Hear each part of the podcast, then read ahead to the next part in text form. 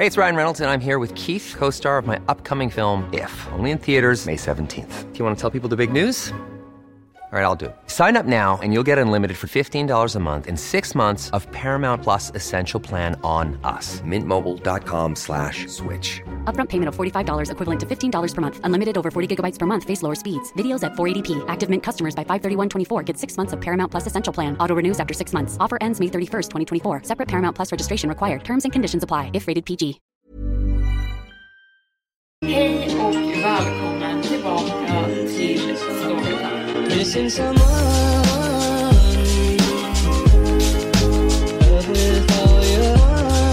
Hej och välkommen tillbaka till Storytime-podden med mig Evelin Blomfelt. Idag ska vi prata om något av det mest avslappnande jag vet. Att ta en lång varm dusch efter en lång dag. Men eh, det tyckte också den här huvudkaraktären tills någonting väldigt obehagligt börjar hända i badrummet. Och nu sätter vi igång. Jag brukade älska duschar. Sättet tiden stannade varje gång jag tog en lång dusch. Jag ställde mig i duschkabinen, vred upp värmen på vattnet och glömde allting annat. Två minuters duschar var inte för mig. Jag var den typen som lät varmvattnet rinna tills det började ta slut. Och sen ännu lite till tills varmvattentanken var helt tom. Om min fru Marie duschade efter mig brukade hon skrika på mig. Jag hatar dig. Vattnet är en isvak. När knappt en droppe varmvatten fanns kvar efter mig. Jag brukade skratta och säga åt henne att vänja sig. Hon brukade säga åt mig att det var orättvist. Men till slut började hon duscha på morgonen istället så att jag kunde använda upp varmvattnet på kvällen. Nu kommer jag aldrig gå nära en dusch eller ett badrumssink någonsin igen. För att rengöra mig själv använder jag nu en balja vatten, en duschsvamp och rengöringsservetter. Det har gått ett år sedan nu sedan det hände och ännu till denna dag undrar jag om det verkligen gjorde det. Marie är borta trots att polisen och hennes familj fortfarande letar efter henne och hoppas att hon ska dyka upp. Men jag vet att hon aldrig kommer göra det. Jag kunde inte berätta för polisen vad som hände egentligen. För att om jag gjorde det skulle jag hamna på ett psykhem. Och just nu tror de allra flesta att jag hade någonting att göra med hennes försvinnande. Och jag klandrar dem inte. Jag ansträngde mig aldrig att leta efter henne. Att gå skallgång i skogarna med andra sökare och ropa ut hennes namn. Jag visste att det var slöseri på tid. Ni kanske till och med har hört om historien på nyheterna. Det var förra hösten, ungefär ett år sedan. Reportrar kom och kampade utanför mitt hus i två veckor. Tills ingenting nytt kom upp i sökandet och de gav upp. Maries föräldrar pratar inte längre med mig och innerst inne vet jag att de misstänker att jag har mördat henne. Jag hjälpte inte direkt att lugna ner misstankarna när jag sålde huset så snabbt efter att hon anmälts som försvunnen. Men sanningen var den att jag skulle aldrig kunna bo kvar där efter vad jag såg. Jag fick dåligt samvete mot familjen som flyttade in där efter jag sålt det. Men vad skulle jag göra? Varna dem? Till och med jag vet inte hur jag ska förklara det. Det började med en dusch. Jag hade just avslutat en av mina långa, ångiga kvällsduschar när jag klev ut ur duschbåset och såg in i badrumsspegeln framför mig. Där stod orden Hallå där, när kan vi träffas? Skrivna på den ångande spegeln. Det fick mig att le, vetandes att Marie hade smugit in här medan jag duschade och skrivit ett litet brev. Hon gjorde alltid sådana saker. De små sakerna som hon sa fick ett förhållande att fungera i längden. Marie brukade tanka bilen åt mig när hon körde den. Hon brukade köpa hem mina favoritsnacks, dubbelfyllda Oreos och lägga dem i skafferiet så de alltid fanns där och lämna små post-it-lappar runt om huset där hon skrev hur mycket hon älskade mig. Jag kunde öppna min byrålåda och hitta en post-it med hjärta och sen en till likadan på frukostflingorna när jag skulle äta frukost. Nästa dag över middag, medan jag dukade av bordet, klappade hon lekfullt till mig på rumpan och sa Du ditt lilla pervo, som smög in i badrummet medan jag alltså duschade i morse. Vem jag? Ja, vem annars? Och skrev ett litet meddelande på spegeln. Jag drog ut diskmaskinen för att lägga i tallrikarna medan en förvirring spred sig över mitt ansikte. Vad skrev jag för någonting? Som att du inte vet, min lilla poet. Hur länge stod du där och kollade? Jag är seriös, jag har ingen aning vad du pratar om. Du skrev “Jag ser dig” på spegeln med ett litet smiley face med en smilegubbe under. Jag ställde mig upp från min hukade position framför diskmaskinen och vände mig om mot Marie. Jag var inte i badrummet den här morgonen och jag har inte lämnat något meddelande. Jag var i sovrummet och böt om. Jag gick aldrig in där. Marie skrattade, men jag gjorde inte. Och flinet på hennes ansikte försvann fort och böts ut med en blick av genuin oro. Vänta, seriöst? Jag nickade, ovetande om vad jag mer skulle säga. Vi stod där i tystnad och försökte, försökte bearbeta tanken. Sen frågade jag henne, så igår kväll lämnade du ett meddelande till mig? Hennes hand flög över hennes mun och oro böts ut mot rädsla. Hon kollapsade ner på köksstolen och jag visste hennes svar redan.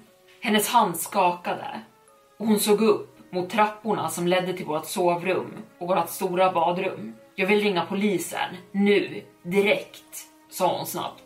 Och säga vad? Att någon har lämnat meddelanden på våran badrumsspegel? Ja, precis det. Och hur hände det här? Jag var i sovrummet under tiden du var i badrummet och gick in precis efter dig. Ingen kunde ha hunnit gå in däremellan. Så hur hann den här spegelångestmeddelande människan ta sig in här? Maries röst skakade när hon talade nu. Jag såg det här på TVn. Det kallas frogging. Någon smyger in i ens hus och bor här i hemlighet utan att vi vet om det. Antingen ringer du polisen eller så gör jag det. Jag vägrar stanna en natt till i det här huset om de inte kommer hit och undersöker. Tre timmar senare sökte fyra poliskonstaplar igenom vårt hus från topp till tå. Varje hörn och i källaren, bakom varje garderob, under sängarna och i alla våra skåp. De klargjorde huset som rent, som någon slags exorcism. De kollade också våran ringkamera utanför våran dörr och andra säkerhetskameror i området. De gick till och med så långt att de bad våra grannar kolla igenom sina kameror utifall någon skulle fångat en inkräktare utanför vårt hus de senaste två dagarna och nätterna. Men de hittade ingenting. Ingen hade varit i närheten av vårt hus. Såklart, det var bra nyheter i ett dåligt scenario. Det finns ingen som hemlighet bor i vårt hus. De dåliga, vi har ingen aning om vem som lämnat de där meddelandena på våran spegel. En av de äldre poliserna med en tjock mustasch tog mig åt sidan och frågade mig med allvar i rösten om jag prankade Marie. Jag talade om för honom med allvar i rösten att det gjorde jag verkligen inte och jag kan inte komma på en anledning till varför jag skulle vilja göra något sånt här. Han skrockade och sa att han har sett det mesta vid det här laget och han blir aldrig förvånad längre. Marie och jag använde gästbadrummet efter att jag hade undersökt det ytterligare en gång. Det fanns ingenstans att gömma sig där inne, bortsett från de små skåpluckorna. Jag öppnade dem och klargjorde att ingen var där inne. Sen stod jag utanför som vakt medan hon duschade och badrumsdörren stod öppen. När hon var klar fanns det inga meddelanden på spegeln, vilket lugnade henne lite grann. Det och en margarita. Jag sköt upp min dusch till morgonen eftersom Marie fortfarande var för rädd för att lämnas ensam medan jag duschade. Vi gick och la oss och hon låg i mina armar och fortsatte att fråga. Men hur då? Det är helt ologiskt. Hur? Det enda jag kunde säga åt henne var, vi kommer lista ut det. Och en vacker dag kommer vi båda skratta åt hur dumt det här var. Marie fortsatte att skaka på sitt huvud och köpte inte min lugnande tanke. Inte ens jag gjorde det. Jag var inte lika rädd som hon var. Mer förvirrad. Och under en halv sekund trodde jag nästan att hon prankade mig. Precis som polisen sa, ingenting förvånade honom längre. Den natten hade jag en hemsk mardröm om min grundskolelärare. Hon var gammal, med vitt hår uppsatt i en knut på hennes huvud. I drömmen hade hon en blommig klänning och skrev på svarta tavlan. Men istället för att använda kritor använde hon avskurna fingrar och kladdade runt i blod. Hon fortsatte skriva orden död, död, död. Jag vaknade svettig och tog en lugnande tablett och somnade sen om tillsammans med Marie i en djupare, mindre ångestfylld sömn. Marie åkte till jobbet före mig den morgonen. Hon skyndade sig ut och ville uppenbarligen lämna huset så fort som möjligt. Jag var fortfarande lite dåsig från ångesttabletten jag tagit under natten. Kaoset natten före kändes som att det hade hänt för en vecka sedan och jag hade inget problem med att använda vårt vanliga badrum för min dusch nu. Precis som i gästbadrummet fanns det ingenstans att gömma sig här inne, förutom i de små kabinetterna och skåpen. Jag vägrade ge in för rädslan. Men för att vara ärlig dubbelkollade jag ändå innan jag ställde mig i duschen. Det var helt tomt, om nu inte den här personen gömde sig i förbandslådan med plåstren. Det varma vattnet kändes underbart. Det är verkligen någonting i idén av att tvätta bort sina bekymmer. Jag kunde slappna av och njuta trots att jag kom på min egen blick att driva till badrumsskåpet om och om igen. Och jag höll utkik efter nya meddelanden. När jag stängde av vattnet var badrummet varmt och ångigt och meddelandefritt. Jag fattade tag i min handduk och gick in i sovrummet, torkade av mig och drog på mig underkläder och strumpor. Jag gick sen tillbaka in i badrummet för att borsta tänderna. Men jag stannade. Hela min kropp blev stel och min puls ökade snabbt. Ritad på badrumsspegeln var en ledsen smiley-gubbe. Inga ord, bara en smileys. Den hade inte varit där när jag klev ur duschen och ingen kunde tagit sig förbi mig i sovrummet in i badrummet på den tiden. Jag hade inte sett på hela tiden, men jag skulle ha hört dem. Jag stod där i ingången medan mina ögon gled mellan spegeln, kabinerna och duschen. Kunde någon gömma sig här inne just nu? Jag klev bakåt utan att ta mina ögon från badrummet. Jag backade till min säng och min hand sträckte sig bakom min rygg bredvid nattduksbordet där jag hade ett, slag, ett gammalt slagträd just för potentiella inbrottstjuvar. Den kändes säkert att hålla i den medan jag sakta tog mig in i badrummet igen. Med slagträet i handen slängde jag upp skåpsluckorna till kabinetterna i badrummet, men jag konfronterades bara av en hårtork, förbandslådan, sminkspeglar och diverse badrumsartiklar. Ingen ihopkrupen mördare. Jag såg upp på smileysen som nu hade börjat smälta av ångan och det såg ut som att den grät istället. Då hörde jag ett ljud. Det kom från avloppet i badrummet och det lät som fnitter. Någon skrattade. Jag böjde mig ner, lutade mitt huvud och placerade mitt öra vid avloppet. När jag plötsligt kände en vindpust komma upp från avloppet och blåsa mot min kind. Jag flög bakåt och backade undan. Vad sjutton var det där? Osäker på vad jag skulle göra så frös jag i stunden. Sen sprang jag ner i källaren. Hyllorna under trappan. Jag skannade dem och där högst upp på hyllorna var en röd plastflaska avloppsrengöring. Jag fattade tag i den och vände mig för att gå upp igen, men jag stannade till. Min uppmärksamhet drogs till avloppsrören på källarväggen. Det var någonting i dem som rörde sig. Jag kunde höra det. Tre steg i taget kutade jag upp för källartrapporna, genom hallen och sen upp på övervåningen. Andfådd och skakandes skruvade jag upp locket på flaskan och hällde vätskan i handfatet. Varenda droppe i flaskan. Sen sprang jag ut därifrån igen. Jag tyckte mig höra ett skrik. Jag var för långt bort från badrummet för att kunna vara säker. Mitt huvud snurrade. Ingenting var logiskt. Och jag tänkte tillbaka vad jag hade sagt till Marie natten före om att vi skulle tänka tillbaka på det här och skratta. Jag skrattade inte just nu. Efter ungefär 10 minuter närmade jag mig handfatet igen. All rengöring hade sjunkit ner och det kom inga ljud från handfatet längre. Ångan hade försvunnit ur badrummet och smileysen var borta. Det var bara mitt ansikte där nu. Uppskrämt och förvirrat. Hade jag verkligen hört någonting? Avloppsmonster eller inte så var jag tvungen att ta mig till jobbet nu. Jag kastade den röda avloppsrengöringsflaskan i återvinningen och hoppade in i min bil. Medan jag backade ut från uppfarten såg jag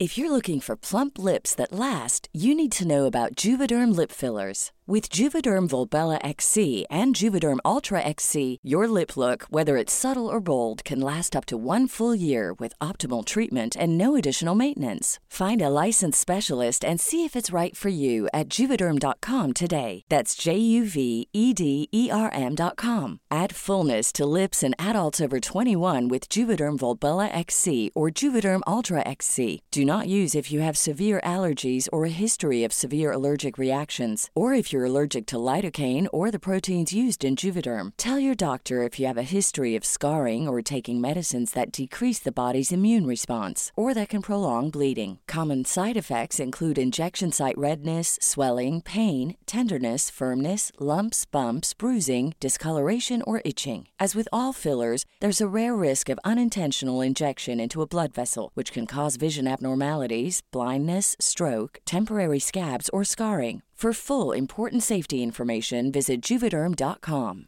Hey, it's Ryan Reynolds, and I'm here with Keith, co star of my upcoming film, If, only in theaters, May 17th. Do you want to tell people the big news?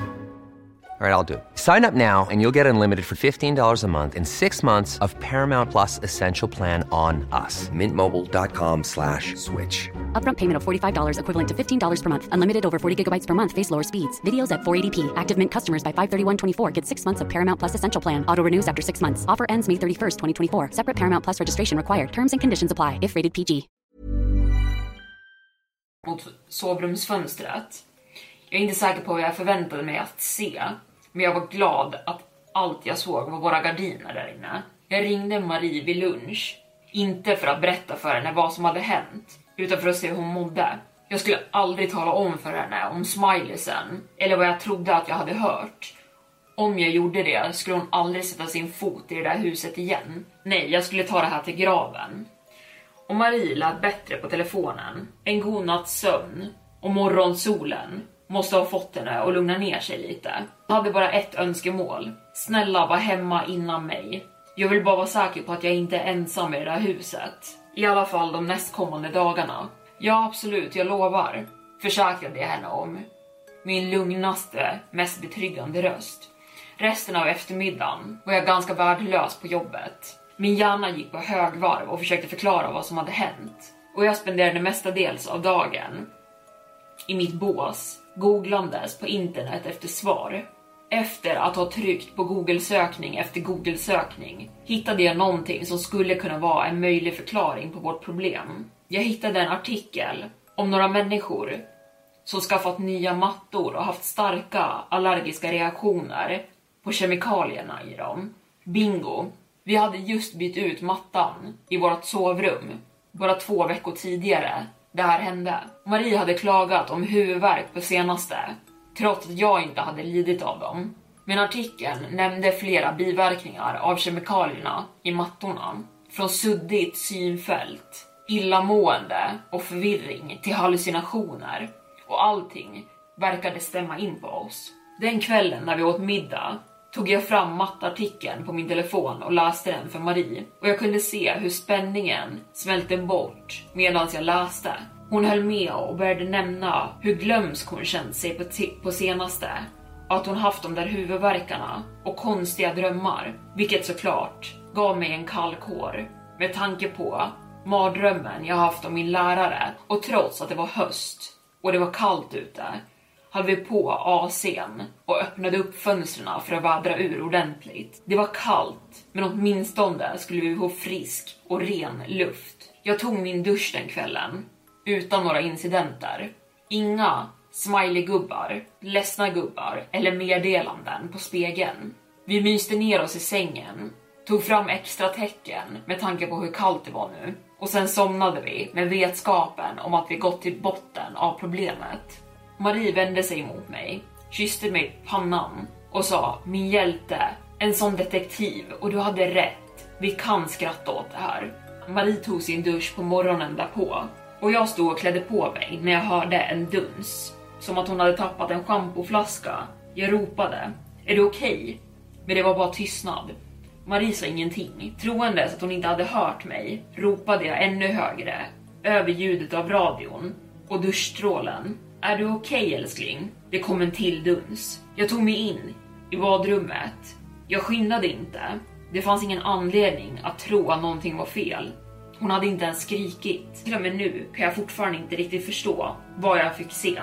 Dels för att det var så hemskt och för att det var så extremt skrämmande. Locket för avloppet i duschen var borta och det var nu två skelettliknande tunna och avlånga fingrar som sträckte sig ut som sträckte sig upp ur avloppet. Blågråaktig färg. Jag är inte säker på hur jag ska beskriva det ens. Armarna var alldeles för långa. Varje hand hade fem fingrar med fingernaglar som var gula och krackelerade och de hade brun avloppsgegga under varje fingernagel. Händerna hade ett grepp om Maries huvud. Det är allt som var kvar. Hennes kropp var borta. På något sätt hade den där saken manglat ner hela hennes kropp i avloppet. Den hade dragit hela hennes ben, armar och, öv och kropp ner under den lilla stund jag hört dunsen. Bara hennes huvud var kvar.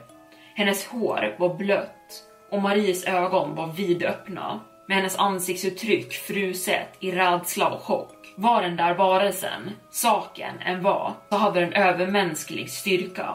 För det sista jag någonsin såg av Marie var hur den krossade ner hennes skalle, ner i det svarta hålet i botten på våran dusch. Synen var hemsk, men ljuden av det var ännu värre. Det lät som att någon krossar en påse chips, fast högre. Jag ville spy, men min chock hade tagit över min kropp och jag stod som fastfrusen. Jag kunde inte röra på mig. Hon var borta. Vattnet som fortfarande rann sköljde bort blodet ur duschen ner i avloppet. Och precis som Marie så skrek jag inte. Jag bara mumlade ut hennes namn. Marie? Jag lyckades ta mig närmare duschen, steg för steg. Jag öppnade upp glasdörrarna in i duschen och stängde av vattnet. Sen lutade jag mig mot duschbåset. Mina ögon fokuserade ner i avloppet. Den runda, mörka byssen. Jag såg ingenting förutom mörker och röda droppar på sidorna. Det kom ett ljud, ett rytmiskt droppande medan vatten läckte ner från duschhuvudet.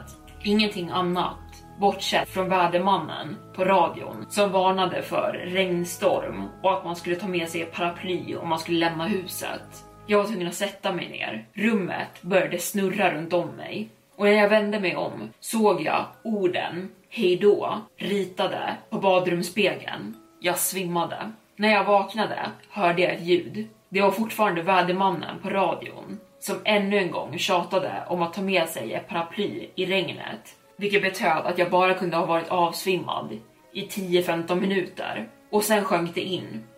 Den där saken fanns fortfarande kvar i avloppet och den kanske skulle komma efter mig också. Jag sköt upp från golvet tills jag kunde springa ut i rummet. Jag såg klockan på nattduksbordet. Jag hade bara varit avsvimmad i 15 minuter. Min telefon, vart är min telefon? Jag behövde ringa polisen. Det är vad jag behöver göra. Jag skramlade runt och letade efter den. Sen såg jag den ovanpå byrån. Jag knappade in 112, men innan jag hann ringa upp stannade jag till. Vad skulle jag säga till dem? Medan jag spelade upp det hemska klippet i mitt huvud insåg jag hur galen jag skulle låta om jag försökte övertala dem om vad jag hade sett. Och jag mindes poliskonstapeln som misstänkt mig för att pranka Marie och nu några dagar senare skulle jag säga att hon var död. Mördad av något slags avloppsmonster. De skulle hitta DNA och bitar av henne över duschväggarna och i avloppet. Och det skulle inte vara avloppsmonstret de skulle vilja arrestera. Det skulle vara mig. Jag la ner min telefon och spelade upp varje true crime-serie jag och Marie sett på Netflix. Sen visste jag vad jag skulle göra. Trots att jag var livrädd gick jag tillbaka in i badrummet och över till duschen. Jag började rengöra allting med blekmedel och rengöringar. Jag hade lagt två 50 kilos vikter ovanpå avloppet i duschen bara för att känna mig lite säkrare och lämnade bara lite utrymme för vattnet att rinna undan. Sen torkade jag även av vikterna och placerade dem tillbaka vid min träningsbänk.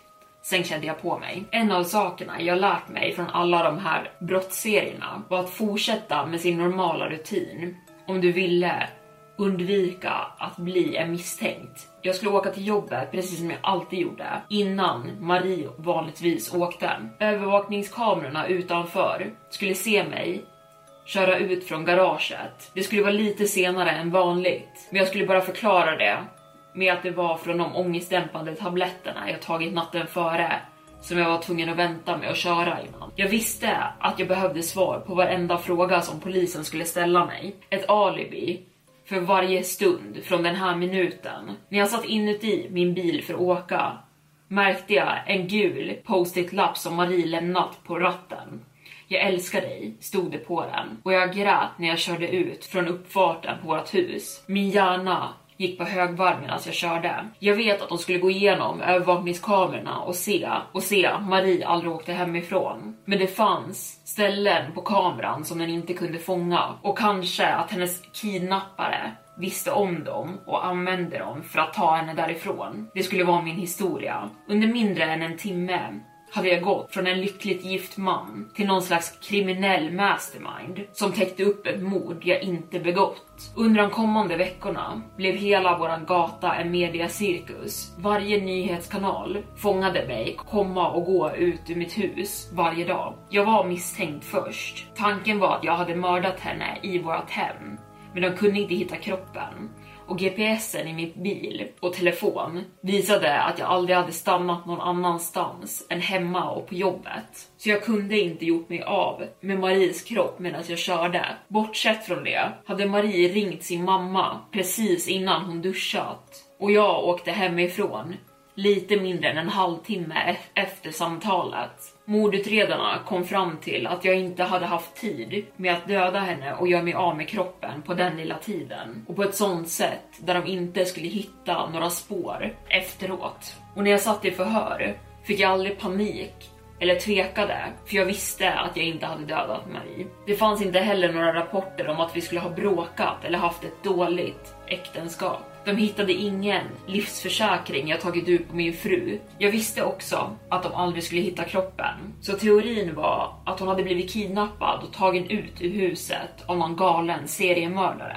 De hade inte helt fel i den teorin. Det var en galen mördare som bodde i avloppen i mitt hus. Eller så kanske den nu hade förflyttat sig till ett annat hus genom avloppen. Vem visste egentligen vart den här saken levde och existerade? Jag flyttade ut ur huset och stannade på ett lokalt hotell och sa åt alla att det var för smärtsamt att bo i huset utan henne och att det var för många minnen. Men det var faktiskt bara ett minne. Minnet som inte kunde lämna mitt huvud av hur Marie krossades ner i avloppet och försvann. Jag försäkrade mig om att jag fick rummet längst upp i hotellet och tänkte att det skulle vara svårare för den där saken att ta sig upp så här högt i avloppen. Och trots det började jag där och då att rengöra mig med svamp och balja och våtservetter. Och inte för att vara för grafisk, så gjorde jag mina behov i en påse som jag sen gjorde mig av med istället för att gå på toaletten. Jag var alldeles för rädd för det. Till slut upphörde mediacirkusen utanför mitt hem, för det fanns ingenting att rapportera. Och Maries försvinnande är fortfarande en utredning för polisen. Jag ringer dem till och med några gånger i veckan och frågar om de har några nya uppdateringar. Men jag vet att de aldrig kommer hitta henne. Trots det fick jag dåligt samvete när jag sålde huset, såklart. Såklart varnade jag dem inte, men jag övertalade mig själv om att den där saken förflyttat sig till ett annat hem och att att den inte dödade på samma ställe två gånger. Men en del av mig tänkte att jag hade orsakat Maries död. Att jag hade gjort det där monstret argt av att hälla rengöringen i avloppet och förmodligen skada den. Och för att vara ärlig, fram tills den dödade Marie hade den bara varit lekfull med hur den interagerade med oss. Mina handlingar kanske gjorde den arg så att den agerade på det enda sättet den visste. Jag flyttade till ett helt annat län. Min resa till jobbet är nu dubbelt så lång, men jag känner mig tryggare. Det har nu gått över ett år sedan jag var i kontakt med någon av mina grannar eller mina svärföräldrar. När jag pratar med dem så är konversationerna alltid om Marie, vilket betyder att jag måste återuppleva minnena av hennes sista stund varje gång vi pratar. Och jag kunde inte göra det något mer. Det var tvunget att ta slut. Att lämna staden ledde till ännu mer misstankar om att jag var involverad med hennes försvinnande. Men så fick det vara. Saker började bli någorlunda normala igen i mitt nya hem. Men sen, igår natt, förändrades allt. Jag gjorde pasta och tömde ur vattnet när den kokat färdigt. Sen gick jag över till kylen för att ta fram ost för att garnera och när jag vände mig om hade ångan från det kokande vattnet lämnat en hinna på fönstret ovanför diskbänken och på det ångande lagret hade någon ritat en leende smiley-gubbe. Jag är i min bil nu och kör. Kanske en helt annan del av landet skulle räcka. Kanske en stuga mitt i skogen utan några avlopp. Jag vet inte. Och med det så var dagens storytime avsnitt slut. Jag hoppas ni blev jättesugna på att ta en varm dusch. Eh, inte jag. Men jag vill tacka för att ni har lyssnat idag. Glöm inte bort att slå på notiser på podden så ni inte missar nya avsnitt. Men jag laddar ju upp varje måndag. Men jag vill tacka ännu en gång för att ni har lyssnat. Vi hörs nästa gång. Hej då!